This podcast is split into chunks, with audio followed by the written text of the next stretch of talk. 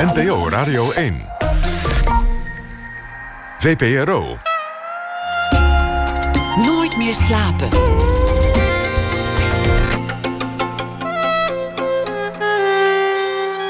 Met Elvie Tromp. Welkom. De Amerikaanse kunstenaar Khalil Joseph maakte videoclips voor grote namen als Kendrick Lamar en Beyoncé. En nu is daar New Suns, zijn eerste Europese solo-tentoonstelling in het Bonnefante Museum in Maastricht. Rond half twee hoort u een rondgang langs zijn werk. Schrijver van de week is Diederik Stapel, die een film kiest bij het nieuws van de voorbije dag en daarover vertelt. En komend uur zit tegenover mij, dus tot een uur of half twee, Gloria Wekker. Gloria is een emeritus hoogleraar gender en etniciteit aan de Universiteit van Utrecht. Sinds de jaren 80 publiceerde zij over een keur van onderwerpen, voornamelijk op het snijvlak van feminisme, seksualiteit en ras. Ze is dit jaar verkozen tot een van de tien meest invloedrijke wetenschappers volgens de Science Guide. En ze is een activistisch boegbeeld, onder andere in het Zwarte Pieten-debat. En in 1984 richtte zij de actiegroep Sister Outsider op voor zwarte lesbische vrouwen. In 2016 verscheen haar veelbesproken boek White Innocence, dat inmiddels vertaald en geactualiseerd is verschenen in het Nederlands als Witte Onschuld: Paradoxen van kolonialisme en ras. Ze is genomineerd voor de feministische Joke Smitprijs, waar maandag de uitreiking van is. En afgelopen weken reisde zij door Curaçao. Het is een eer om vannacht met haar te mogen spreken. Gloria, welkom. Dankjewel, Alfie.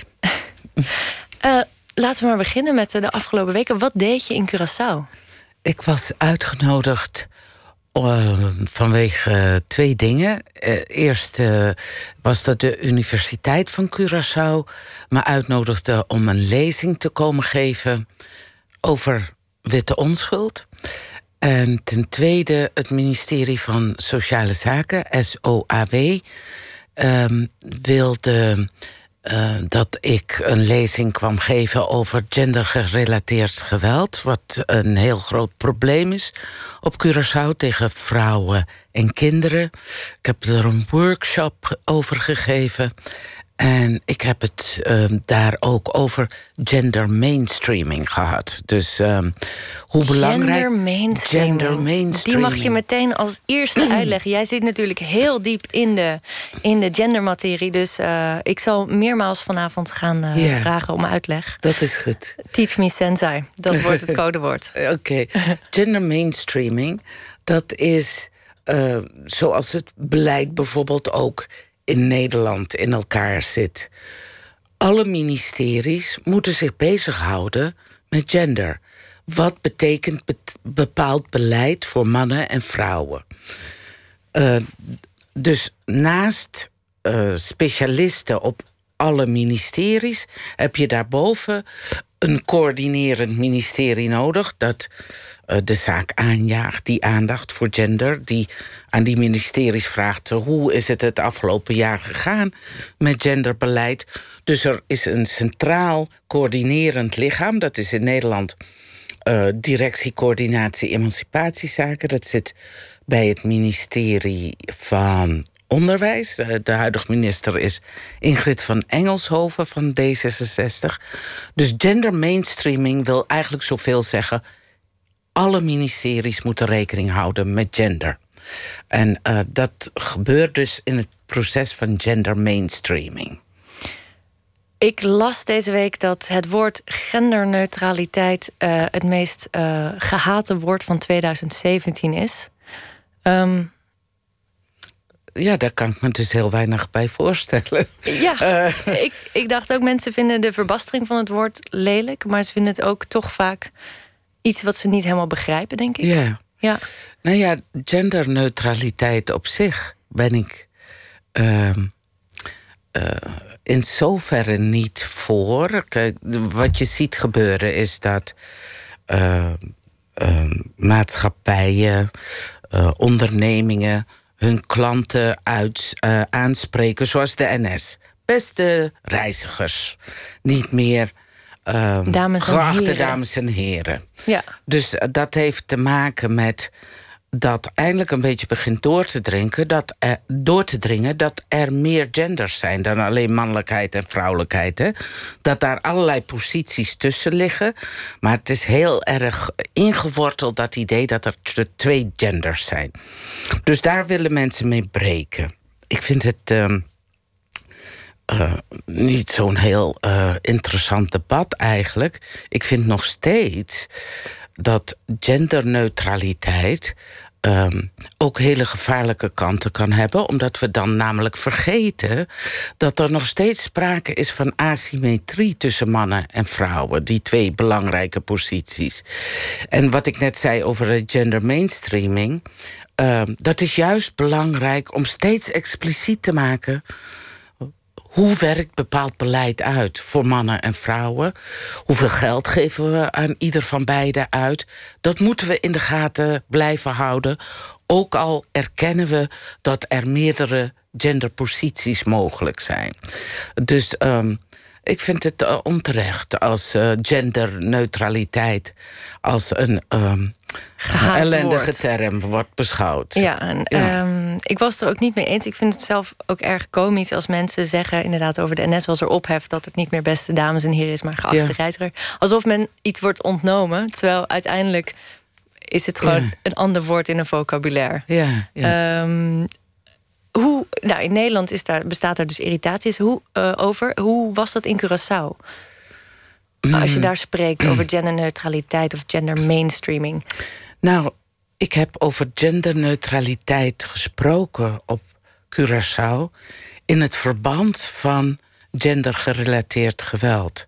Um, dit is iets wat uh, professor René Rumkens uh, uh, aan de orde heeft gesteld in haar oratie eerder dit jaar. Dat je ziet met betrekking tot gendergerelateerd geweld dat. Oké, we gaan ervan uit dat daar, het daarbij in de eerste plaats om gaat dat mannen vrouwen mishandelen. Nu is er een trend gaande waarbij het omgekeerde, dat vrouwen mannen mishandelen, heel erg benadrukt wordt. Alsof het gelijk zou wegen. Alsof het even sterk in intensiteit zou zijn. Terwijl het maar om een heel klein aantal gevallen gaat waarin dat voorkomt. Dus dat is een genderneutrale trend die gewoon heel gevaarlijk is. Alsof we doen van.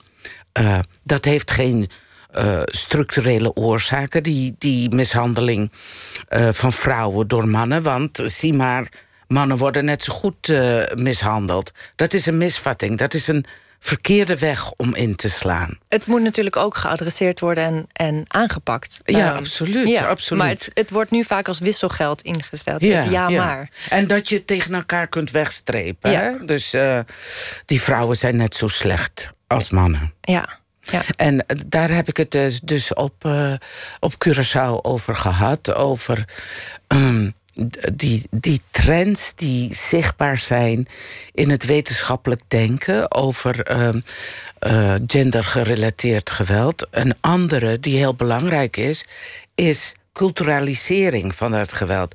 Zo, dat is de gedachte. Bij ons uh, witte Nederlanders hebben we dat nu onder controle, dat probleem. Dat is heus niet zo erg.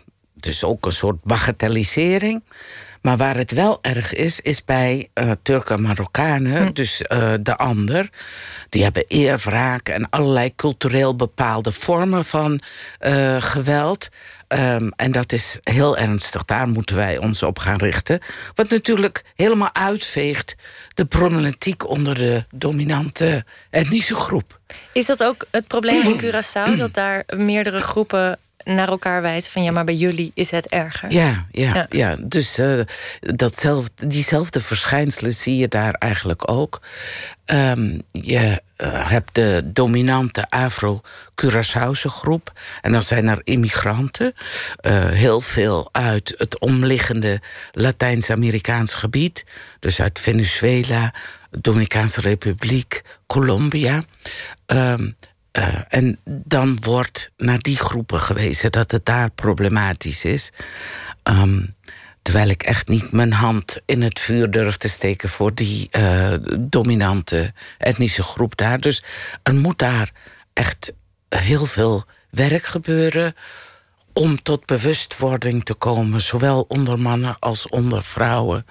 Ehm, en weet je, dus je hebt naast dat algemene gendergerelateerde geweld, wat in allerlei samenlevingen voorkomt, heb je in uh, Afro-Caribische samenlevingen daarbovenop ook nog eens het feit dat uh, fysiek geweld eigenlijk overgedragen is van generatie op generatie. Dus dat geweld dat tijdens de slavernij voorkwam, is overgenomen door uh, de zwarte bevolkingen zelf. En dus het disciplineren van kinderen door ze te slaan. Zelfs dat juffen en meesters op school kinderen uh, slaan. Dat zit er nog helemaal in. En dat moet natuurlijk echt uh, aangepakt worden. Nou ja, dat zat natuurlijk nog steeds ook in het educatiesysteem hier in Nederland. Tenminste, als ik mijn moeders verhalen van haar nonnenverleden in het klooster heb uh, meegekregen, was dat ook niet mals. Dus ja, dat met de harde hand opvoeden. Ja. ja, dat is iets verschrikkelijks. Ja. Ja, dat maar dat zouden we hier nu toch niet meer accepteren. Niet dat, in het onderwijs, nee, zeker nee, niet. Nee. nee. Nee, dat wordt uh, zeker uh, niet geaccepteerd. Ja. Uh, we gaan er meteen lekker diep in. Ja. Gender mainstream, een nieuw woord aan mijn vocabulaire. Oh, ja. Dankjewel. Um, we gaan het straks ook nog hebben over je boek Witte Onschuld... over de Joke Smitprijs waar je voor genomineerd bent. Maar eerst wil ik even terug naar de jonge Gloria en het gezin Wekker. Mm -hmm. je bent geboren in Suriname en werd in 1951 als klein meisje meegenomen naar Nederland. Wat was de aanleiding voor de familie Wekker om naar Nederland te komen? De aanleiding uh, was het koloniale systeem. Namelijk, mijn vader was uh, inspecteur van politie in Paramaribo. En hij kwam in aanmerking om na zes jaar werk voor een half jaar naar het moederland toe te mogen. Dat was natuurlijk nooit bedoeld geweest voor iemand van Surinaamse afkomst. Dat was bedoeld voor Hollandse ambtenaren. Die moesten af en toe terug naar Nederland om niet uh, als een native te worden, om geen Surinamer te worden. Ze moesten zich bewust zijn dat ze Nederlanders, witte Nederlanders waren. Maar mijn vader kwam in aanmerking voor die mogelijkheid. En toen zijn we dus met de boot naar Nederland gekomen. Mijn vader en moeder waren allebei 29, hadden vijf, vijf kinderen waarvan uh, ik de jongste was, van anderhalf. En mijn vader wilde ook rechten studeren in Nederland. Hij was daar al bij begonnen in Suriname. En uh, hij uh, moest colloquium doctum doen aan de Universiteit van Amsterdam. Dat heeft hij goed afgelegd en toen wilde hij hier blijven en verder studeren. En toen zijn we dus in Nederland gebleven. En wij waren ja, een van de eerste um, Surinaamse gezinnen die in Nederland kwamen wonen. Jullie kwamen terecht in Amsterdam. ja. En eigenlijk van een positie van welvaart en uh, uh, aanzien, want je vader had een hoge functie bij de politie in Suriname, kwamen jullie hier eigenlijk in een kleine woning zonder badkamer, heb ik ja, begrepen. Ja, ja, ja. Dat was een grote ja. grieven van je moeder. Ja. ja, maar dat was toen normaal. Ja. Hè? Min of meer maar normaal. Dat je uh, zaterdag je ging wassen in de wasstoppen in de keuken. Um, dus een heleboel mensen hadden geen douche in huis. Maar mijn moeder was daar echt heel gedesillusioneerd over. Was ze naar Nederland gekomen en in Suriname hadden we wel een douche in huis en nu hadden we dat niet meer. Had ze een voorstelling dat het hier makkelijker zou zijn?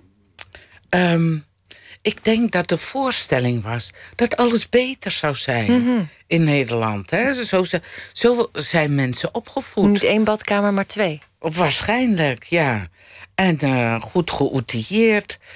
Oh, dat moet zo moeilijk geweest zijn voor haar. Want ook moesten nu zelf de kachel aan gaan maken. Hè? Nu, nu hadden we een kachel waar ze mee moest leren omgaan. Dus ik weet nog wel dat dat nog wel een onderneming was een houtkachel.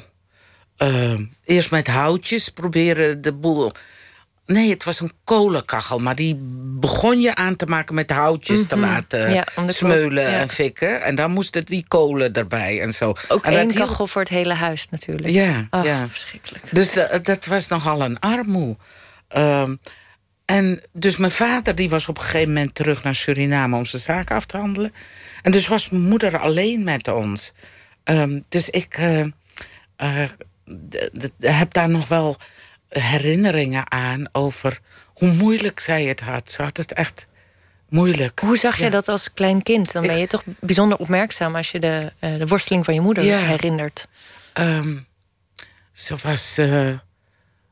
ik was dus de enige die nog thuis was. Dus ze was vaak een beetje verdrietig. Ehm, en eh, eh, ze, ze huilde ook af en toe.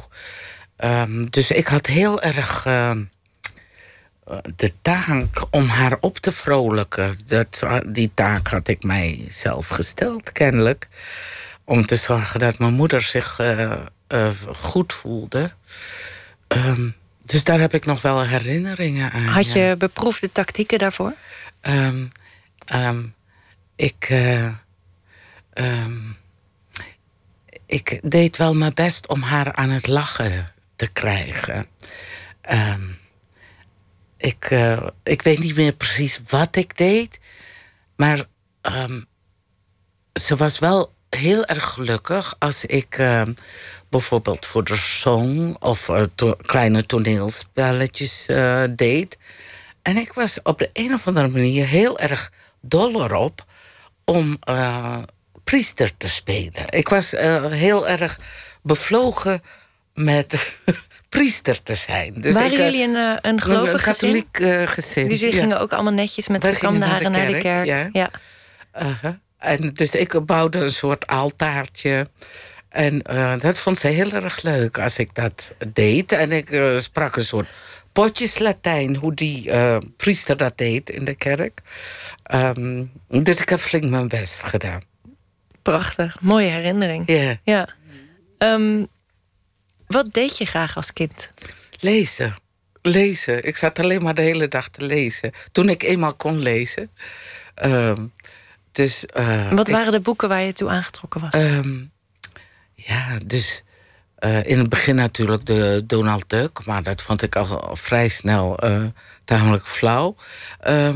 Dus ik had een abonnement op de bibliotheek, dus ik las eigenlijk alles wat los en vast zat. En ehm, verschillende boeken tegelijk ook. Ehm, en wat ik me herinner toen ik een jaar of acht, negen was, wat mijn lievelingsboek was. En dat is werkelijk ehm, tamelijk ironisch in het licht van wat ik ben gaan doen. Dat was De Scheepsjongens van Bontekoe van Johan Fabricius, weet je wel. Dat is zo'n heel koloniaal boek over eh, jongens die op een schip naar God knows where gaan. de boel gaan veroveren. De boel gaan veroveren Ja, en de inboorlingen gaan temmen. Ja. Eh, ik vond het vreselijk spannend. Ja, ik vond jongensboeken sowieso heel erg spannend. dus dat is wel heel erg ironisch dat ik dat zo'n mooi boek vond. Ik En waarom jongensboeken per se? omdat dat veel avontuurlijker was. En die jongens die hadden allerlei handelingsmogelijkheden. Hè? Deden beleefde spannende avonturen.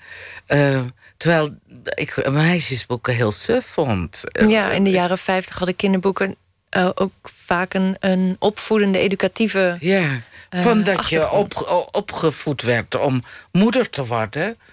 Waar ik zware twijfels bij had of ik dat zou willen. Op die leeftijd al. Al, al heel jong had ik daar twijfels over. En ook, ja, was, was daarbij heel belangrijk. Ik wilde niet eh, zo'n rol spelen als mijn moeder. Dus eh, ze had zes kinderen op een gegeven moment. eh, na mij is een broertje nog geboren. Toen ik eh, negen was. Ehm, dus dat je de hele dag bezig bent met huishouden. En dan heb je kleren gewassen. En dan moeten ze gaan drogen. En dan moeten ze, moet je gaan strijken. En ondertussen moet je koken. En wat zullen we vandaag weer eens eten? Weet je wel, dat soort bezigheden. Daar had ik echt geen zin in. Ik wilde echt ik wist niet zo precies wat ik zou worden. Maar mijn eerste beroep waarvan ik dacht: oh, dat lijkt me heerlijk. Dat was dat ik boeken wilde schrijven. Ik, ik wist ook niet waarover die boeken zouden gaan. Ik wilde heel graag boeken schrijven, dat dat mijn leven zou worden. Dat is een tijdje weg geweest, wat verder van me afgestaan. Mijn vader die beïnvloedde mij heel erg dat ik rechten moest gaan studeren. Dus iets verder in de tijd. Dat vind ik opmerkelijk. Um, een, katholiek gezin in de jaren 50, groot gezin. Um, waarbij er wordt geacht dat de vrouwen gaan studeren. Ja. Dat komt niet vaak voor. Nee, maar dus ik was net van de leeftijd dat dat. Uh, dat mijn vader dat op zijn plaats vond. Want bij mijn oudere zussen had hij daar niet zo'n uh, gedrevenheid bij. Maar bij mij wel. Uh, hij wilde echt heel graag dat ik uh, kinderrechter zou worden. En ik heb uh, geprobeerd rechten te studeren, maar ik vond het zo saai. Wat een specifiek beroep ook, zo om op je kind te projecteren. Kinderrechter. ja. Dus dat heeft ook met gender te maken natuurlijk. Toch ook inderdaad in de familiaire sfeer. Ja, dus omdat hij mm. rechten gestudeerd had zelf... wilde hij dat eigenlijk voor al zijn kinderen. Um, maar ja, eigenlijk uh, heeft iedereen andere dingen gedaan. Um, en kinderrechter, denk ik dat hij zo voor zich zag als iets wat vrouwelijkheid in zich hield. Hè? Dat je met kinderen te maken had, maar tegelijkertijd ook dat serieuze vak van rechter uitoefende. Maar dat is hem dus ook niet geworden.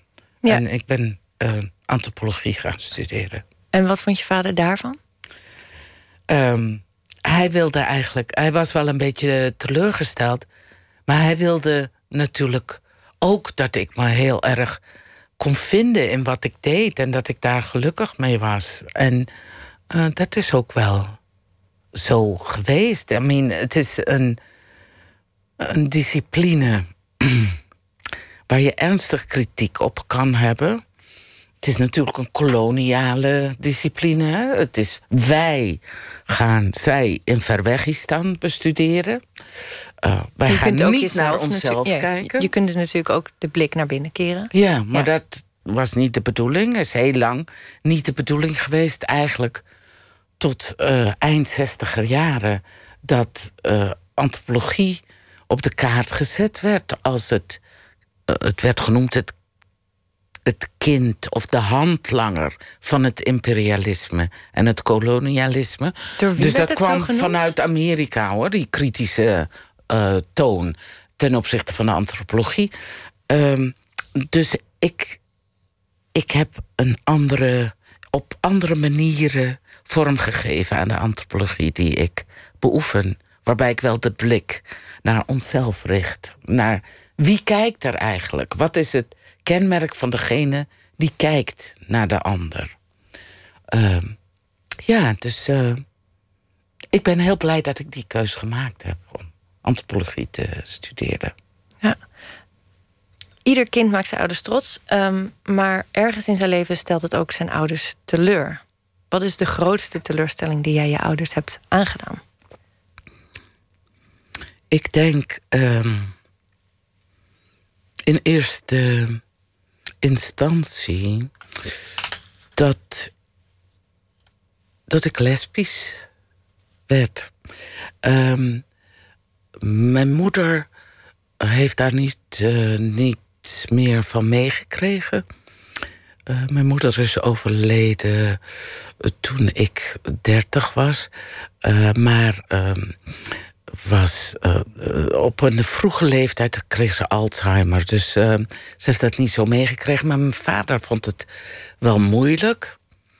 En ik merkte aan hem uh, dat hij, als hij tegen andere mensen sprak over mij, dat hij heel graag de dingen krenten uit de pap pikte. De dingen die hij leuk aan me vond. Hè? Dat ik goed presteerde. En dat ik dit deed en dat deed. Maar dat over vrouwen, dat vond hij helemaal niet leuk. Daar had hij het ook niet over. Dus ik heb, eh, op hem, uh, ik heb hem op een gegeven moment um, streng moeten toespreken dat het zo niet werkte. Dat hij het hele pakketje moest aanvaarden. En dat hij er niet uit kon pikken wat hij leuk vond. En dat heeft een tijdje geduurd, maar um, ik ben echt heel erg trots op hem dat hij dat aanvaard heeft.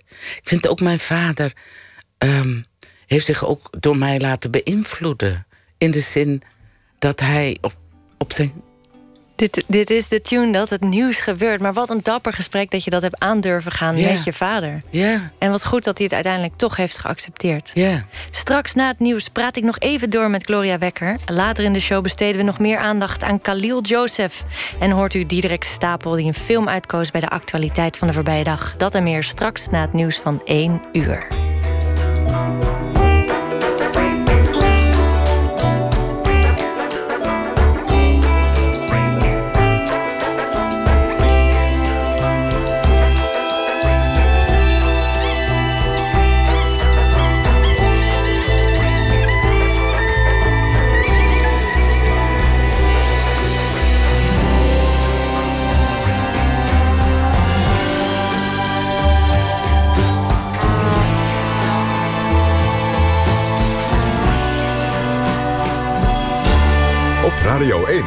Het nieuws van alle kanten.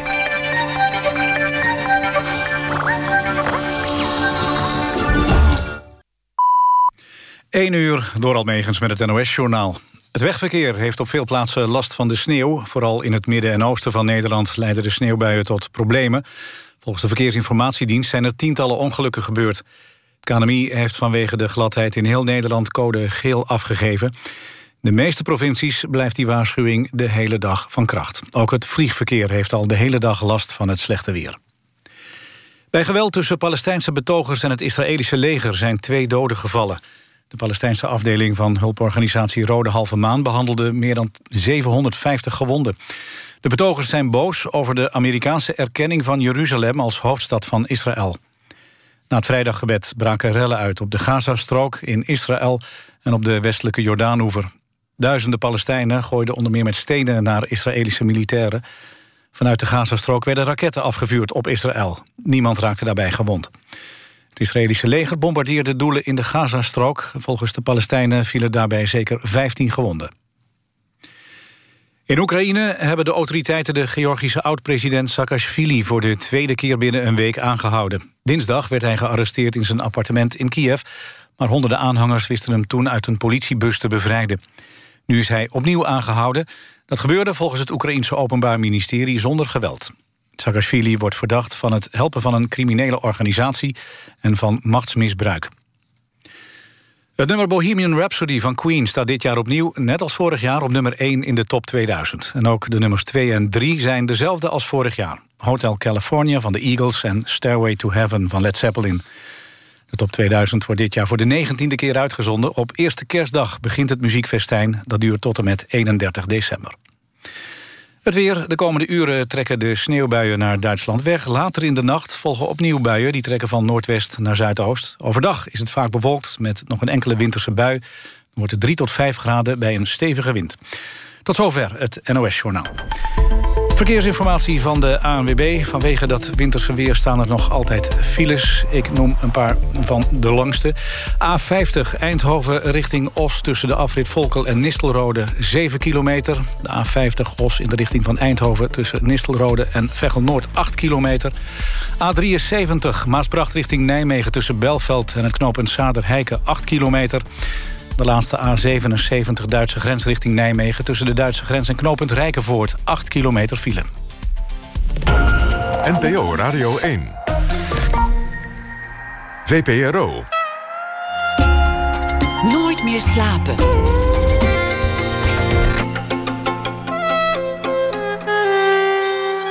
Met Elvie Tromp.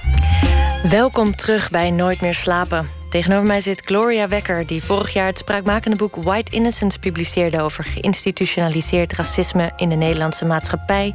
En waarvan nu een geactualiseerde uitgave is verschenen, Witte Onschuld. Daar gaan we het zo over hebben. Um, voor het nieuws hadden we het um, Eerst over gender mainstreaming, mhm. genderneutraliteit, uh, wat het meest gehate woord is in Nederland van 2017. En je reis naar Curaçao en je familieleven. En je vertelde net een prachtig verhaal over je vader, daar zaten we middenin. Um, dat je uiteindelijk je vader een feminist hebt kunnen maken. Ja, ja. Vertel daarover. Mijn vader was uh, het laatste gedeelte van zijn werkende leven directeur van het GAK, gemeenschappelijk administratiekantoor in Tilburg. En uh, daaronder uh, waren twee adjunct-directeuren. En op een gegeven moment was er een vacature. En dit speelt dus eind 70 begin 80 jaren. Dat hij per se wilde een vrouwelijke adjunct-directeur. En dat hij daar, uh, nou ja, met affirmative action aan de slag is gegaan. En dat ook heeft uh, te, te werk, teweeg heeft gebracht. Dat hij een vrouwelijke adjunct-directeur heeft aangesteld. En ik denk echt dat dat komt omdat hij zich uh, heeft laten overtuigen door mijn feminisme. Dus daar ben ik ontzettend blij mee. Ik zie dat ook soms bij andere mannen die dochters hebben, dat ze openstaan voor feminisme en ook uh, de strijd aangaan om uh, die gelijkheid van mannen en vrouwen te bewerkstelligen. En ik vind dat heel erg uh, belangrijk. Toch typisch dat dat een dochter vergt en niet een moeder of een vrouw, ja. maar een dochter. Ja. ja. Ja, ik mhm. zie het ook als mijn taak eh, voor mijn vader. Eh, ja. Dus pap, als je luistert... Doe je best. Hoe zit het ermee? je bent genomineerd voor de Joke Smitprijs. Eh, de Joke Smitprijs is een Nederlandse regeringsprijs... bestemd voor een persoon, groep of instantie... die een fundamentele bijdrage levert... aan de verbetering van de positie van vrouwen in Nederland. Joke Smit wordt genoemd als een van de vrouwen... die aan het begin van de uh, tweede feministische golf stond... met haar essay Het onbehagen van de vrouw. En ook jij was een van die vrouwen die bij die golf genoemd wordt. Ja. Heb jij Joke gekend? Ik heb haar niet persoonlijk gekend, nee. Um, uh, ik las natuurlijk wel over haar. En ik heb toen ook in die tijd dat essay, dat beroemde essay, gelezen. Um, en waarmee de, eh, de tweede feministische golf in Nederland uh, begonnen is. In een later stadium toen ik uh, al in Utrecht werkte, heb ik les gegeven over dat essay. Want het is heel belangrijk dat uh, aankomende studenten leren over wie aan ons vooraf zijn gegaan. Hè? En welk denken aan ons vooraf is gegaan. Dus welke manifesten geschreven zijn. Dus het is een heel belangrijk manifest. Uh, en een van de dingen die me daarvan heel erg bijstaat, is dat zij heel belangrijk vond dat we uh, arbeid buitenshuis en huishoudelijke arbeid gelijker zouden gaan verdelen tussen mannen en vrouwen. En haar beeld was dat we vier of vijf uur per dag buiten de deur zouden werken en voor de rest. Uh, dingen uh, binnenshuis zouden doen. Of wat we maar ook wilden doen, zouden kunnen doen. En dat is natuurlijk helemaal anders uitgepakt. Hè? We zijn veel harder gaan werken. Veel meer uren gaan maken. Um, Um, en de dus, Nederlandse vrouw is de part-time werkkoningin van de wereld. Van de wereld, ja. ja. Dus het 1.5 model is helemaal ingeburgerd geraakt. Dat wil zeggen dat eh, de mannelijke partner uh, vaak uh, een volle baan heeft en de vrouw 0,5. En dat wordt gezien als ideaal in Nederland. Maar daar zullen ze nog achter komen als de scheiding om de deur komt kijken. En ook als de pensioenleeftijd aanbreekt, wordt het ook niet fijn als je je hele leven 0,5 gewerkt hebt. Dus het is geen verstandige keuze. Terwijl die te vuur en te zwaard uh, verdedigd wordt. Heel neoliberaal model ook. Van, en ik kan toch zelf kiezen wat ik doe. Ja, en het trouwen in gemeenschap van goederen behoort ook tot de verleden tijd. Dus. het gaat er niet beter van worden. Je bent genomineerd. Um, ben je zenuwachtig? Maandag is de uitreiking. nou, ik vind het wel spannend. Um, maar uh, ik ben niet zenuwachtig, nee. Um, ik vind het een ongelooflijke eer dat ik genomineerd ben. Ik vind het heel erg... Uh, uh, ja, zo'n moment dat mijn werk gezien is, dat ik dat kan concluderen. Ehm, en dat stemt me heel erg ehm, dankbaar. Ehm, ik uh, vind alleen al die nominatie uh, een bijzondere gebeurtenis. Dat is natuurlijk het enige juiste antwoord om te zeggen nou ja, als genomineerde. correct, maar het is wel zo. het is wel zo dat alleen die nominatie al is bijzonder. Absoluut. Um, je werk gaat vaak over intersectioneel feminisme. Nou, voor de gemiddelde luisteraar is dat natuurlijk een totaal vreemde term. Kun je die even uitleggen? Ja, ik hoop dat het even is. Kijk, wat ik zeg en, en uh, waar ik mij voor ingezet heb in Nederland toen ik terugkwam uit de Verenigde Staten. Ik heb samen je bent naar met... de, even om terug te pakken, je bent naar de Verenigde Staten geweest uh, als student. Ja, ik heb, ben gepromoveerd ja, in de in Verenigde Staten. Ja. Dus ik kwam in 1992 terug naar Nederland. Ik koos ervoor om in Nederland uh, te gaan wonen en werken. Um, ik vond het belangrijk om een nieuwe vorm van um, denken in te voeren... die ingaat tegen alles wat we tot dan toe wisten. Um, dat is namelijk dat het in mijn discipline genderstudies... niet alleen over gender kan gaan... maar dat we altijd ook vragen moeten stellen... hoe zit het met ras bij een bepaald vraagstuk? Hoe zit het met klasse en hoe zit het met seksualiteit? Dat zijn assen van verschil die gelijktijdig werkzaam zijn en die elkaar beïnvloeden. En uh, dus uh, ik heb samen met twee uh, in die tijd studenten, PhD-kandidaten, een boek geschreven. Dat waren Ma Maaike Botman en um, Nancy Jouwen. Waarbij we intersectionaliteit in Nederland geïntroduceerd hebben. Uh, en het boek heet Kaleidoscopische Visies. En ik merk tot mijn genoegen dat uh, intersectionaliteit uh, steeds meer ingang vindt. Het is een complexere manier van denken.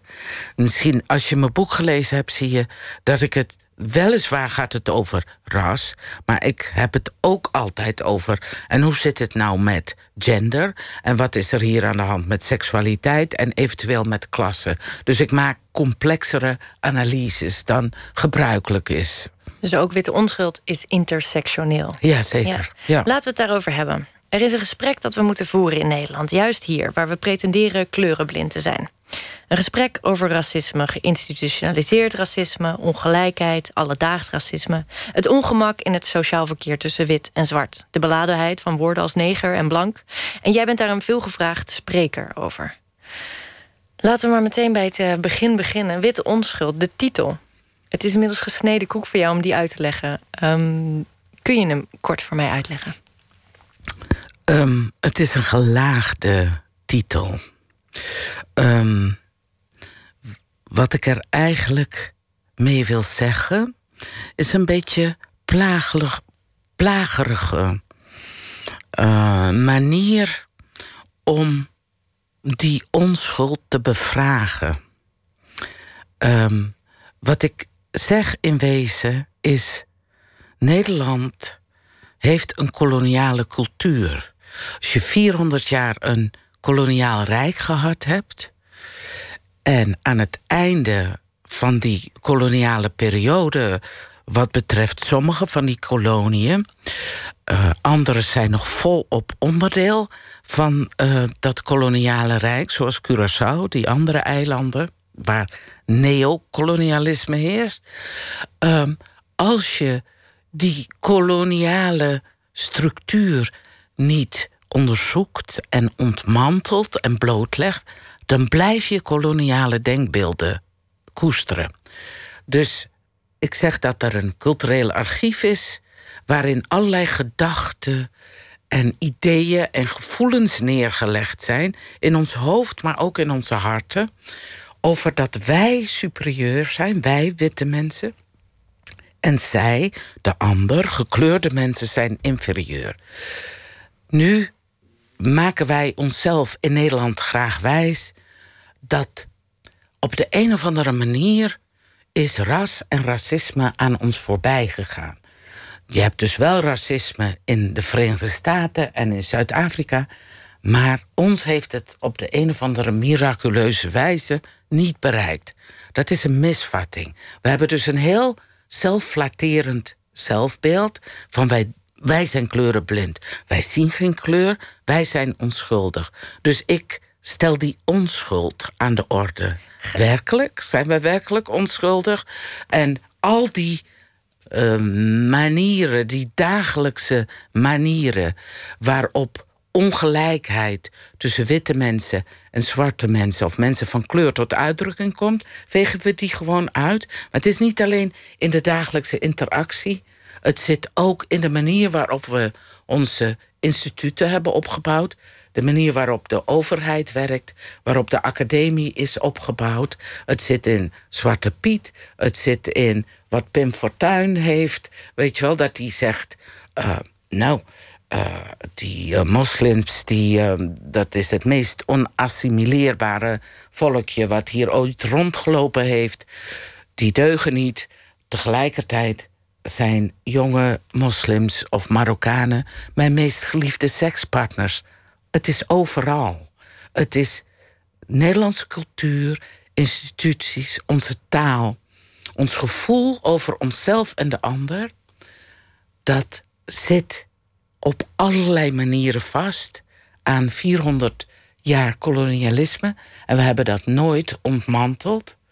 Dus we zitten nog vast in die denkbeelden. Gaat dit, gaat dit ook op uh, voor emancipatie, waarin we in Nederland vaak zeggen: Oh, we zijn uitgeëmancipeerd. Ja. Terwijl we op de ranglijst van emancipatie, ik geloof, onder Bolivia komen of Colombia. Ja. Nou, ja. Uh, vaak wordt uh, gezegd Botswana. We staan onder Botswana wat betreft het aantal vrouwelijke hoogleraren. Oh ja. nou, natuurlijk. Dit is hetzelfde laken en pakken wij, dus witte mensen. Ik denk niet dat ik wit ben, hè? maar uh, zeker niet. Uh, ik maak aanhalingstekens. Mm -hmm. Dus uh, de dominante groep. Is dit een exclusief Nederlands probleem? Nee hoor, nee, nee, nee. Het is een, een probleem dat geldt in allerlei landen die een koloniaal rijk gehad hebben ik, zal, ik ben er heel erg nieuwsgierig naar. Als er studies zullen verschijnen in andere landen, andere Europese landen. Kijk, Scandinavië, Engeland, Duitsland, België, Frankrijk, Spanje, Portugal, Italië. Als belangrijke koloniale spelers. Bijna heel Europa. Dus. Bijna heel Europa. En als ze geen kolonie hadden, hadden ze ze wel willen hebben. Dus ze gingen wel mee in dat ethos van: kijk, wij betekenen iets in de wereld en wij hebben iets mee te delen aan andere volken. Uh, dus dat idee van wij zijn geëmancipeerd, uh, onze vrouwen uh, zijn gelijk. Dat is een misvatting. Als je kijkt naar allerlei indicatoren, geldt dat helemaal niet. Maar het was een manier toen minister De Geus van het CDA dat in 2003 zei, was de manier om onderscheid te maken tussen witte vrouwen en vrouwen van kleur. En het was een manier om flink te gaan snijden in de budgetten voor emancipatie. Uh, dus uh, wat heel helder is, en ik vind wel dat op dat punt Jet Busmaker, de vorige minister uh, van OCMW en die ook emancipatiezaken in haar portefeuille had, daar heel erg gelijk in had op dit punt. Namelijk dat je voortdurend moet blijven hameren op emancipatie. Dat het niet één keer gedaan is en dan kun je vervolgens achterover gaan leunen. Je moet daar voortdurend alert op blijven. Dus dat onderscheid tussen wij zijn geëmancipeerd, onze vrouwen, witte vrouwen, zijn een voorbeeld voor vrouwen van kleur, allochtone vrouwen en vrouwen uit de derde wereld dat gaat op zoveel manieren mank. Ik weet niet waar ik moet beginnen. Kijk bijvoorbeeld naar de arbeidsmarktparticipatie van Surinaamse en Antilliaanse vrouwen, die goddank veel hoger is dan die van witte vrouwen.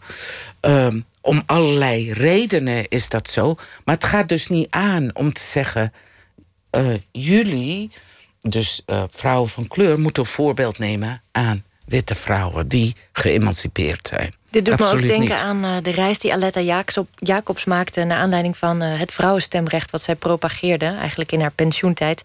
En dat zij in Cuba aankwam in haar keurslijf met een corset... weet je wel, de laatste nette mode... van hoe een keurige dame zich moest kleden.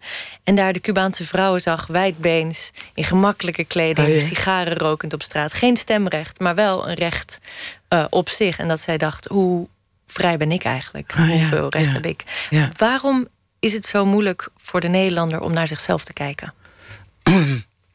We hebben een heel rooskleurig zelfbeeld. En uh, dat wordt, op ons, wordt ons op allerlei manieren aangereikt. Het is niet uh, toevallig dat we op school nauwelijks iets leren over dat kolonialisme. Uh, dat wordt van ons weggehouden. We hoeven ons daar nooit uh, mee bezig te houden. Dus het Gemiddeld 12 minuten wordt er in, uh, op middelbare scholen besteed aan het koloniale verleden. Absoluut, ja. ja, ja. En dat is in Amsterdam, geloof ik. Hè? Oh, ja. um, dus dan kan je je voorstellen hoe het in Dokkum is, om maar een zijstraat te noemen. Um, en ja, dan gaat iemand zijn er zeggen. hele bevlogen leraren in Dokkum die dat een belangrijk onderwerp vinden. Ja, maar... dus iemand zegt dan tegen mij van ja, zie je wel, je bent uh, bevooroordeeld um, ten gunste van de, de grote steden. En misschien doen wij het uh, in Dokkum wel veel beter uh, dan in Amsterdam. I, I'd like to see that. Yeah. Uh, dus nodig me vooral uit naar Dokkum. Um, um, dus, sorry, ik ben even je vraag vergeten. Um, ik ben hem zelf ook even kwijt. Sorry, ik was afgeleid. Um, je, je hebt een nieuwe versie uitgebracht, een geactualiseerde versie. Eigenlijk met een extra hoofdstuk hoe je boek is ontvangen in de. Nederlandse versie van Witte Onschuld. ja. Er is veel ophef over geweest, enorm veel media-aandacht. Uh, had je dat verwacht? Nou, ik had het niet in deze mate verwacht. En uh, misschien is dat wel naïef, maar het is zo, als je als wetenschapper een boek schrijft, dan ben je al lang blij als um, 25 vakgenoten het lezen en als er een paar recensies komen in va vaktijdschriften. Dus de heftigheid van de aandacht en uh, de kwantiteit ook ervan. Ik geloof dat er in een jaar 150 artikelen zijn verschenen over mij of over het boek. Um, dat was wel heel erg um, ongekend. Zo in die mate had ik dat zeker niet verwacht. Um, ik wil nog heel eventjes terug naar wat de vorige vraag was. Ja, we want hadden ik heb het mij inderdaad dat, over... Waarom dat positieve zelfbeeld? Ja, waarom, waarom is het zo niet naar moeilijk onszelf om kritisch kijken? kritisch naar onszelf te kijken? Omdat wij een zelfbeeld hebben waarin heel erg een rol speelt. Wij zijn uitstekend, uitmuntend. Uh, op allerlei gebieden, met name op het gebied van gender en seksualiteit, hebben wij iets aan de wereld te vertellen.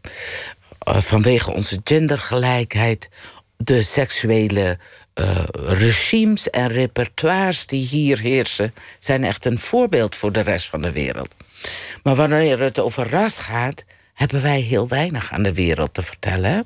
Is het eerder het tegendeel. Internationale instituten roepen ons op het matje om ons te vertellen hoezeer racisme uh, een deel is van ons dagelijks leven. Wat hele um, ingrijpende gevolgen heeft voor mensen. Dus wij zijn heel erg asymmetrisch bezig. Buitenlandse zaken, allerlei NGO's reizen de, de wereld af om te vertellen hoe uitstekend en uitmuntend wij zijn op het gebied van gender en seksualiteit. Op het gebied van ras hebben we niks te melden. Maar dat zelfbeeld bestaat uit verschillende onderdelen.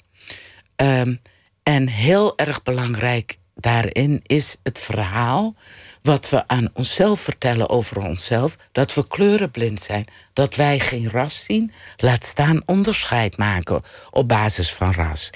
Is het debat nu verder gekomen of zitten we nog steeds in die on onkennende kramp? Um, beide is waar. Beide is waar. Waar we verder in gekomen zijn, en dat vind ik heel verheugend, is de laatste vier jaar is er ieder jaar een boek verschenen dat witheid thematiseert. Vanaf 2014 is dat zo. Dus u kunt er inmiddels over hebben. We kunnen het erover hebben. En er wordt over gelezen. En er wordt over gepraat.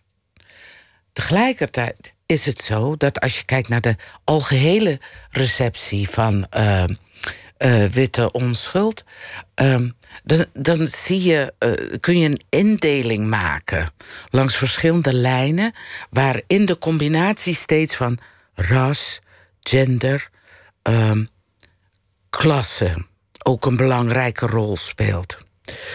Dus als je kijkt naar traditionele media, waarin oudere witte mannen een belangrijke rol spelen, in mindere mate vrouwen, die hebben zwaar moeite met de boodschap die ik breng. Om daar überhaupt maar over na te denken. Die vinden ook dat zij er eigenlijk niks mee te maken hebben. Het is mijn probleem en het probleem van mensen van, van kleur.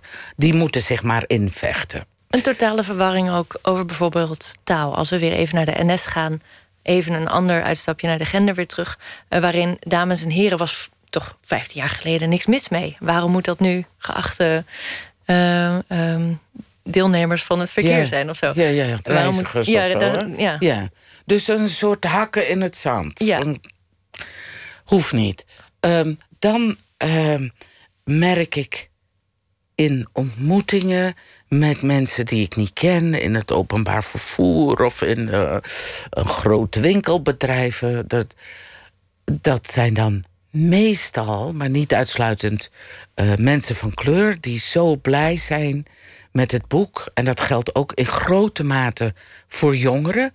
En ongeacht hun uh, etnische, raciale achtergrond, hebben jongeren heel erg het gevoel dat ik ze een taal gegeven heb om te spreken over ras en raciale verschillen in Nederland.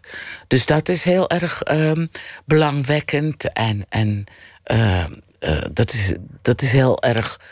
Uh, een, een, winstpunt dat we er nu termen voor hebben om nou, Ik wil daarbij spreken. toevoegen dat dat niet alleen jongeren van kleur zijn, maar ook Nee, absoluut. uh, de witte mensen. Ja, uh, die absoluut, wel dat zag ik ook. juist ja. zoeken naar de woorden uh, Heel, voor het eh, debat. Dus ik ben heel dankbaar voor jouw stem daarin. We zijn Ja. bijna aan het eind van ons gesprek, dus ik wil even met je kijken naar de toekomst. Laten we vrij dromen. Hoe staan we er over 100 jaar voor? 100 jaar. Ja, geef, geef Nederlands 100 jaar. Ja. Dus wij gaan dat niet meer meemaken. Nee, Daar ben ik sowieso niet. van eh, zijn we er klaar overtuigd. Hè? Ehm, maar ik denk dat we met een gevecht bezig zijn, met een strijd die onomkeerbaar is, ehm, die niet meer teruggedraaid kan worden. Ehm, dat zoveel jonge mensen, inderdaad van alle raciale, etnische posities, zich met deze strijd willen engageren en uh, antiracistische activiteiten ontplooien. Dat stemt me heel erg hoopvol. Dat, um, ja, dat is de toekomst. Dus uh, ik denk dat we over 100 jaar hopelijk een zwarte vrouwelijke minister-president hebben. Ik ben er in ieder geval zelf heel erg aan toe. Um, wat is de eerstvolgende stap? In de antiracisme-strijd bedoel je? Of, Ja. uh, ik denk, uh, ja, kijk, wat we gezien hebben. Ik, ik was er dus niet rond de laatste uh, Sinterklaas en Zwarte Piet intocht. Maar we zien wel een verharding van de strijd die ik zorgelijk vind, agressief. Doodeng. Ja. uh, dat mensen zich te weerstellen um, tegen die anti-Zwarte Piet uh, demonstranten. Ik vind daar ook heel opmerkelijk aan dat overheden zoals de politie, maar ook politici, eigenlijk het wegwuiven. Dat het niet zo uh, belangrijk was. Uh, oude jongens krentenbrood wordt er gedaan. Vanmorgen was ik op een lezing van Anne Laura Stoller. En die zegt: racisme is de psychische structuur van de staat en van een bevolking die in ontkenning leeft. Dat is onhoudbaar. Ik denk dat we verder moeten werken aan de ontmanteling van die structuren. Prachtige laatste woorden voor dit mooie gesprek met Gloria Wekker. Dank je wel voor het komen. Um, wij gaan hierdoor. Um, En dan hebben we niet tenminste, we hebben Cindy Wilson. Uh, Cindy Wilson is een van de oprichters van de B-52's. En ze brengt nu haar eerste soloalbum uit, getiteld Change. Daarvoor komt dit nummer People Are Asking. Ik wil nog Gloria even bedanken. En uh, we gaan je lezen en meemaken. Dankjewel, Gloria.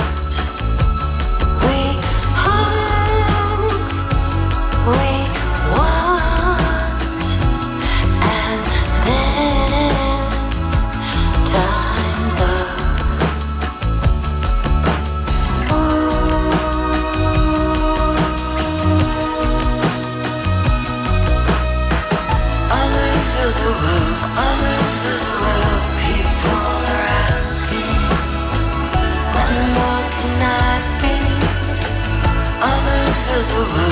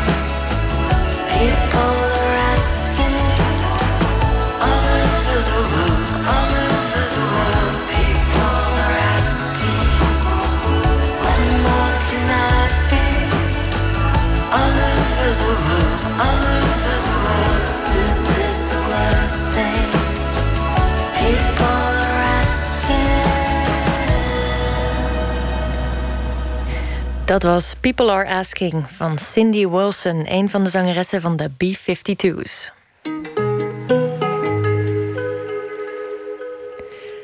Elke week vragen we een schrijver of dichter om met proza te reageren op het nieuws van de voorbije dag. Deze week doen we dat met Diederik Stapel, die een essaybundel over films publiceerde. Van licht en donker. Bij het nieuws van de afgelopen dag zoekt hij een film die laat zien dat fictie en werkelijkheid soms heel dicht bij elkaar liggen. Goedenacht, Diederik. Goedenacht. Hoe uh, was deze dag voor jou? Ja, ik zat even te twijfelen. Ik heb de hele dag eigenlijk gedacht... ik wil iets zeggen over lijstjes. Hè. Het is natuurlijk lijstjestijd, eind december... top 10 van dit, dat en zus. Nou, nou grijp ik mijn kans. En dan ga ik iets vertellen over wat ik de mooiste film van uh, eh, 2017 vond. Namelijk Blade Runner 2046. Nou ja, nou ja, dat is wel zo. Het is een prachtige film. Het mhm. gaat over hoe het is om mens te zijn. Hoe kan je mensen van robotten eh, onderscheiden. Maar toen las ik een interview in de Volkskrant. Een interview met Tom Kellerhuis. Dat is de hoofdredacteur van HP De Tijd. En dan raakte ik zo door, ja, een beetje door in de war. Ik dacht, je, wat, wat is hier nou aan de hand? Wat lees ik? Wat, wat, wat, wat is dit? Ik ken, ik ken de man niet. Ik lees HP de Tijd ook niet, ook niet zo vaak. Dus uiteindelijk heb ik iets geschreven over mateloosheid en verslaving. Want ik vond het een heel vreemd, mateloos, ontremd interview. Dus geen films, begrijp ik nu? Hey, toen heb ik uh, en iets over films die daarover gaan. Over verslaving en mateloosheid. Dat is het een beetje geworden, ja. Oké, okay, Diederik, ik ben reuze benieuwd. Take it away. Ja, ik ook. Oké. Vandaag las ik in de Volkskrant een interview met Tom Kellerhuis... hoofdredacteur van HP De Tijd. Misschien ligt het aan mij, maar ik las het interview als een hallucinatie. Kellerhuis klinkt ontremd. Hij springt van de hak op de tak haalt onaardig uit naar collega-journalist Coralina de Galbo... geeft hoog op van zijn journalistieke kwaliteiten... breekt een lans voor Thierry Baudet... zegt hoe hij eigenhandig HP de tijd heeft gered van de ondergang... vertelt trots dat hij een groot verbruiker is van alcohol, ecstasy en cocaïne... verslaafd aan seks met jonge mannen... en ondertussen serveert hij de Volkskrant-interviewer van dienst... chique wijn en kweekkaviaar. Als ik het allemaal goed begrepen heb. Ik moest even bijkomen toen ik het stuk uit had. Waar ging dit over? Over Tom Kellerhuis. Maar misschien ging het ook over mateloosheid. We leven in een maatschappij van overdaad... terwijl ons oude, matig geëvolueerde brein vooral is ingericht op schaarste. Vroeger waren we aan het jagen, verzamelen... en de hele dag op zoek naar eten en drinken. Tegenwoordig staat alles via een druk op je smartphone-knop op je stoep. Daar is ons hoofd niet voor gemaakt en daarom schieten we vaak door. Maatloos gamen, shoppen, feesten, seksen, slikken, eten, drinken, leven. Films vertellen ons wat ons menselijk maakt. Er zijn dan ook heel veel films gemaakt over mateloosheid... en de ontsporingen die daarbij horen. Traffic, Smashed, Rush, Candy... A Woman Under the Influence, Trainspotting, Half Nelson, Half Baked... White Girl, de lijst is eindeloos. Ik werk een paar dagen per week in een verslavingskliniek... en vraag filmliefhebbende verslaafden graag wat hun favoriete verslavingsfilm is. Meestal komen we uit op Requiem for a Dream uit 2000... de raamvertelling van Darren Aronofsky over een weduwe, haar zoon, zijn vriendin en een vriend... die allemaal op hun eigen manier ten onder gaan aan hun verslaving. Een requiem voor een droom. Dat is het. De ervaring dat ooit ergens een raam openging en alles op zijn plaats viel. Totdat het raam dichtklapte. Sindsdien heb je er alles voor over om de boel weer even open te trekken. Maar het lukt je niet. Soms een beetje, maar nooit echt. Wat je ook probeert, alles blijft potdicht. Je vertelde dat je in een verslavingskliniek werkt. Um, Zie je daar een plekje voor Kellerhuis? Ja, dat twijfel ik dus aan. Ik denk het niet. Ik denk dat hij, functioneert uh, goed. Hè. Dus iemand die gewoon zijn dagelijks werk doet. En denken, je bent pas echt verslaafd als je verslaving je dagelijkse bezigheden echt beïnvloedt. Je mateloosheid kan heel goed samengaan vaak met gewoon functioneren. Maar daar twijfel ik dus de hele dag over toen ik dat interview had gelezen. Ja, wat, wat, wat, wat vind ik hier nou van? Wat gebeurt hier? Ja, je klinkt bezorgd. Is dat zo? in ieder geval gefascineerd. In ieder geval gefascineerd. Nee, ik kan me voorstellen, je bent... trots en hij klinkt energiek, maar ook, ook uh, dwingend en obsessief. En hij springt echt van de hak op de tak. En dan is hij midden in een zin en dan, en dan, en dan zegt hij weer iets anders. Natuurlijk ook, ik weet niet hoe het gesprek echt is gelopen.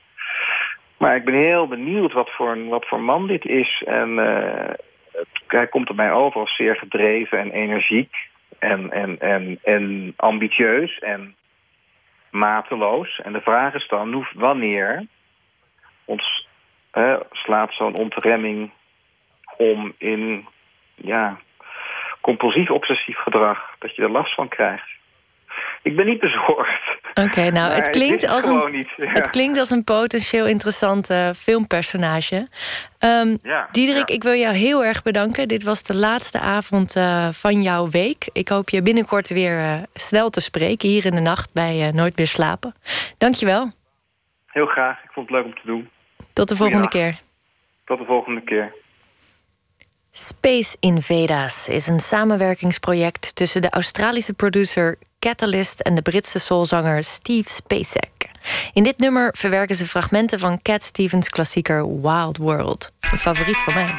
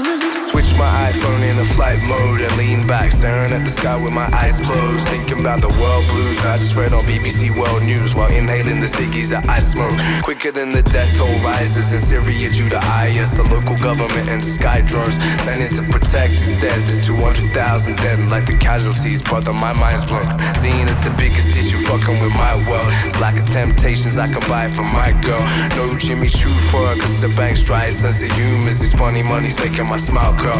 But with the bird's eye vision, I can see there's a bigger picture. And know we are just midgets surrounded by drop picks. We're tiny in the scheme, but move as a team, we'll get through this cat Stevens wild world. You know what I'm saying? World, world. Stage on the life we lead.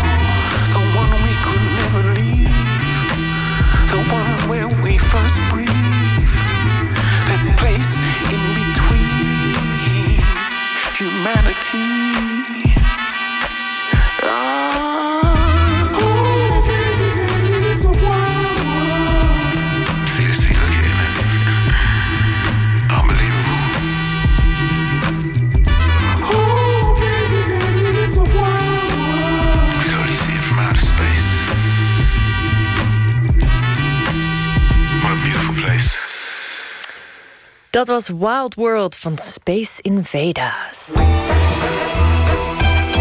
Nooit meer slapen. Je zou het voor het gemak kunnen vatten onder de noemer hip-hop in het museum. Maar daarmee doe je de tentoonstelling die nu in het Bonnefante Museum in Maastricht te zien is ernstig tekort.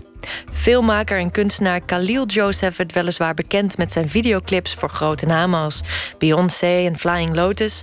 Maar in het museum komt zijn werk pas echt tot zijn recht. Verslaggever Eliane Meijer ging kijken in Maastricht en ze nam iemand mee.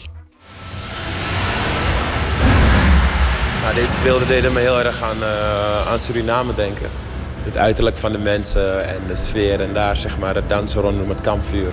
Hier het bos, mensen door het bos heen lopen. Dat zijn wel echt beelden waar ik uh, bekend mee ben uit mijn uh, jeugd. Samen met filmmaker Hesti Lomwijk sta ik midden in een nieuw werk van de Amerikaanse kunstenaar en filmmaker Khalil Joseph. Alle wanden, ook het plafond, zijn zwart. Een black cube. Er hangen schermen rondom met trage, dromerige beelden van Freetown, Sierra Leone. En het geluid overspoelt ons.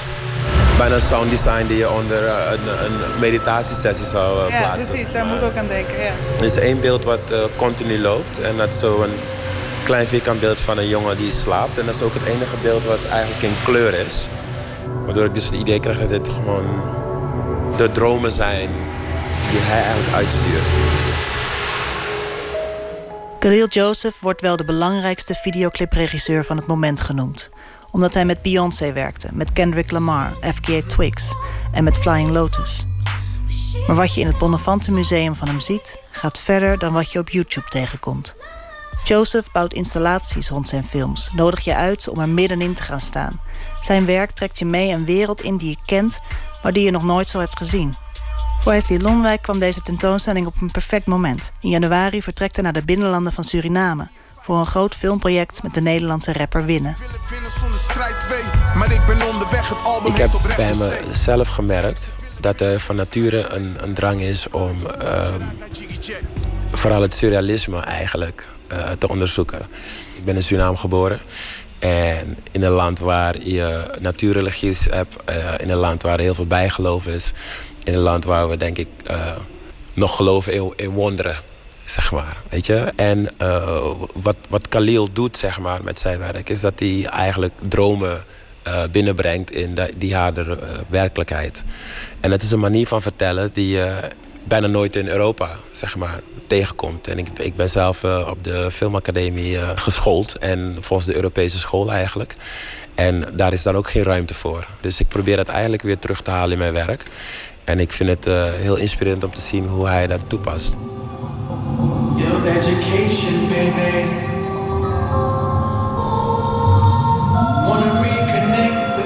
Combinatie van dromerig en rauw is misschien wel het beste voelbaar in de film Mad. Een portret van Compton, de sloppen van Los Angeles waar gangs de regels bepalen. Met een soundtrack van Kendrick Lamar's album Good Kid, Mad City.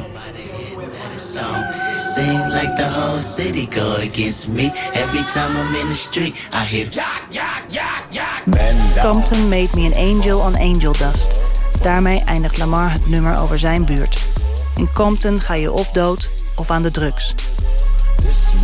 Stijn Huids, artistiek directeur van het Bonnefante Museum, kwam het werk in 2015 in een museum in Los Angeles tegen en was meteen verkocht. Ik had uh, misschien op de radio wel eens Kendrick Lamar gehoord, maar dat was niet uh, mijn eerste associatie toen ik naar die film zat te kijken. Het was gewoon het totaal dat mij greep. En um, dat hele idee van de combinatie van het heden en het tijdloze. Uh, wat ook een rode draad is in het werk van, van Khalil Joseph. Heel veel archiefbeelden zitten er ook in, hè? Er zitten archiefbeelden in van 1992. Uh, Kendrick Lamar kwam op een gegeven moment met een memory stick aanzetten... met uh, home video's gemaakt door zijn oom in 92. En het is belangrijk om te weten dat 92 ook het jaar was van rellen in Compton. Weer 30 jaar na, 25 jaar na Watts waren er opnieuw rellen, sociale onlusten. En in die periode is dit materiaal geschoten. En dat heeft hij nou weer gemixt met uh, zijn eigen footage. En uh, dat levert een heel uh, maf, hallucinerend, hypnotiserend verhaal op. Het is pijnlijk ook, een belangrijk deel. heel hard in sommige opzichten. En het bevraagt je als toeschouwer heel erg op je eigen vooroordelen en ideeën. Zeker zo'n werk als Mad, waar je op een gegeven moment je toch wel ongemakkelijk gaat voelen... omdat je jezelf een soort voyeur begint te vinden.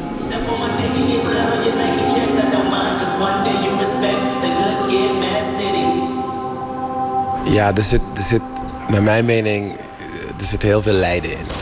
Er flitst um, in, het, in Good Kid, Mad City um, flitst een, uh, een beeld heel kort. Dus als je niet oplet, dan mis je hem. Maar dan flitst er een beeld voorbij van uh, zwarte Amerikanen die zijn uh, opgehangen in het, in het zuiden van Amerika. En daarmee wil hij dus wel echt wel een, een duidelijke parallel trekken met hoe het leven nu voor zwarte Amerikanen is. Dat er in wezen heel weinig is veranderd. Ik zie ook ik zie ook heel veel luidruchtige, opgefokte mensen ook. Die, die met, met wapens lopen. En tegelijkertijd krijg ik ook het gevoel dat hij soort van het dagelijks leven wil laten zien. Ja. Naar de kapper gaan en uh, gewoon gezellig met elkaar uh, zijn. Ja. En um, het is niet alleen maar ellende. Nou ja, het klopt allebei. Het is allebei waar. Als je even een stapje, een stapje achteruit doet. Kijk, ik zag geen opgefokte mensen. Misschien de busscène waar je het over hebt. Dan staan die mannen zo met een, een jacht, een ja. shotgun. Je ziet op een gegeven moment een geweerloos Eigenlijk gewoon lol aan het hebben. Dat is het gekke ervan, van die scène. Dus uh, daar waar jij uh, op ziet, zag ik eigenlijk zijn met elkaar aan grappen. Weet je, pak het wapen, pak het wapen met een geweer erbij. Dus het laat zien hoe, hoe uh, genormaliseerd geweld is in het leven. Want er wordt gewoon erbij gelachen. En dat zou je heel luchtig kunnen zien en tegelijkertijd is het ook pijnlijk. Dus ik zie het allebei. En uiteraard uh, gaan mensen overleven en gaat het leven gewoon door. Ja.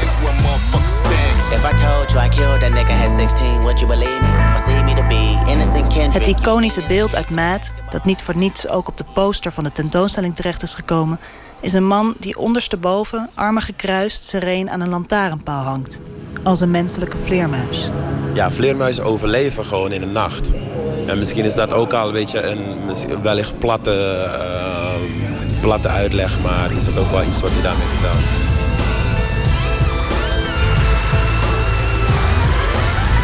Ik weet niet of het jou opvalt, maar er ehm, zijn echt significant uh, veel jonge mensen in het museum nu. Met Stijn Huid zit ik wederom midden in een kunstwerk van Khalil Joseph. Het is weer een zwarte ruimte met een film rondom van een groep rastamannen die rustig zitten te blowen. Joseph voert ons terug naar 1979, backstage bij een concert van Bob Marley. Tijdens de opening van de tentoonstelling kwam de scène letterlijk tot leven. Het was even gedoe met wietpasjes en zo, maar uiteindelijk zaten ook hier zo'n 25 uit Rotterdam overgekomen Rastafari ganja te roken. En wat gitaar spelen en dit trommel slaan. En de resten van die, uh, van die event die... Uh, die liggen daar nog op de tafel, ik zie het. Ja. En dat was een idee van uh, Joseph zelf om hier dus weer 25 Rastafari uit te nodigen? Ja, toen ik met hem in de voorbereiding van de tentoonstelling sprak over welke werk we zouden gaan tonen, kwam dit idee langs en waren we het al snel erover eens dat mogelijk Nederland de enige plek is waar je dit kan tonen.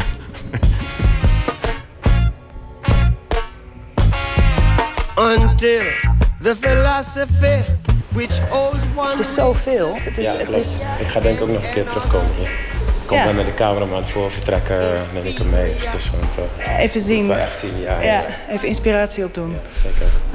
We verlaten het museum en reizen naar het bruisende Rotterdam.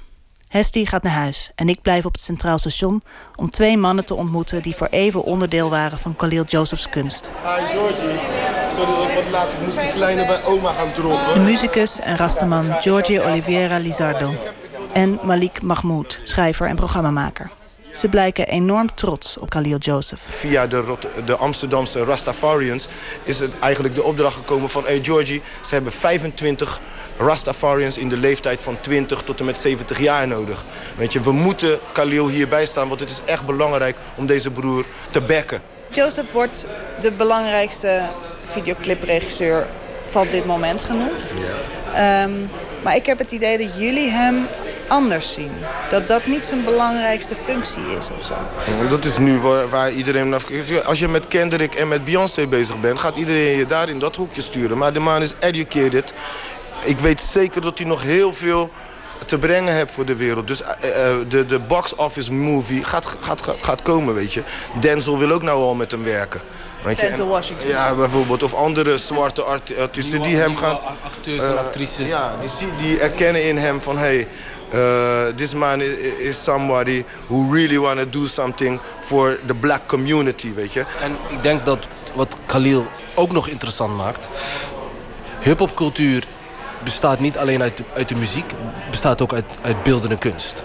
En uh, als we kijken naar de ontwikkeling van, van, van hip-hop en rap, met name binnen hip-hop, komen we uit een periode van hypercommercialiteit. Het is een, is een mondiaal beest geworden.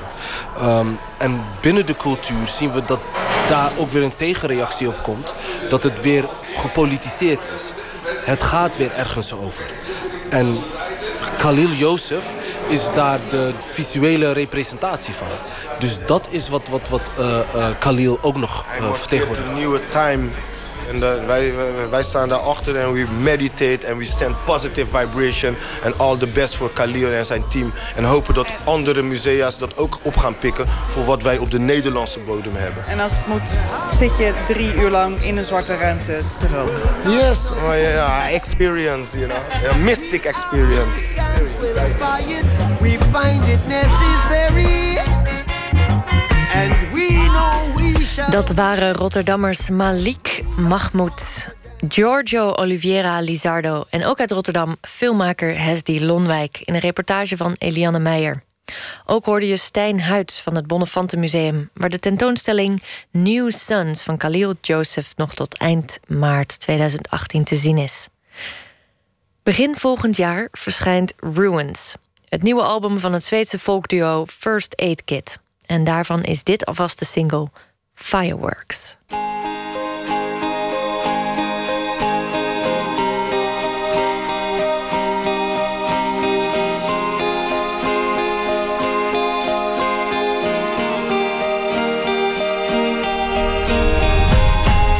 could have swore I saw fireworks from your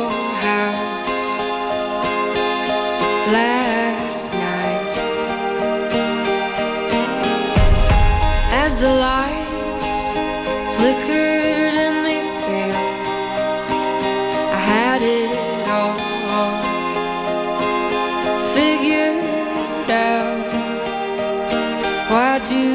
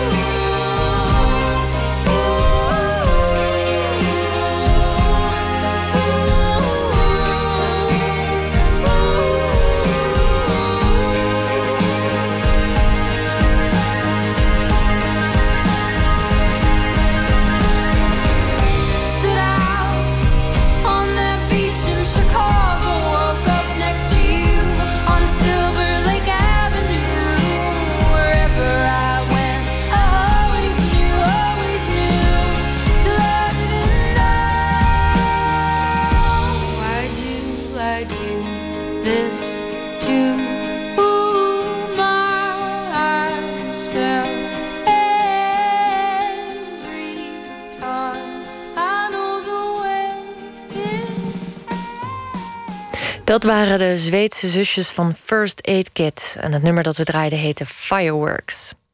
Poëzie nu, van de Vlaamse schrijver en dichter Bart Moejaert. We spraken hem tijdens de Nacht van de Poëzie in Utrecht... waar hij onder meer dit gedicht voordroeg.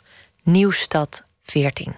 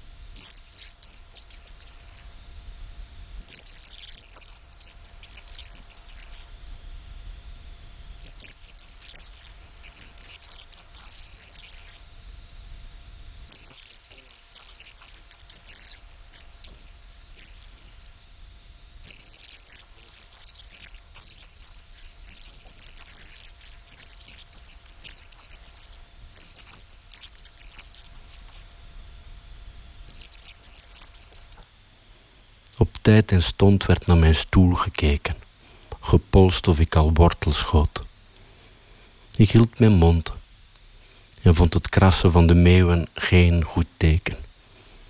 Hoe kwam het dat ik binnen zat en tegelijk nog buiten stond? Goedenacht en tot volgende week bij Nooit meer slapen.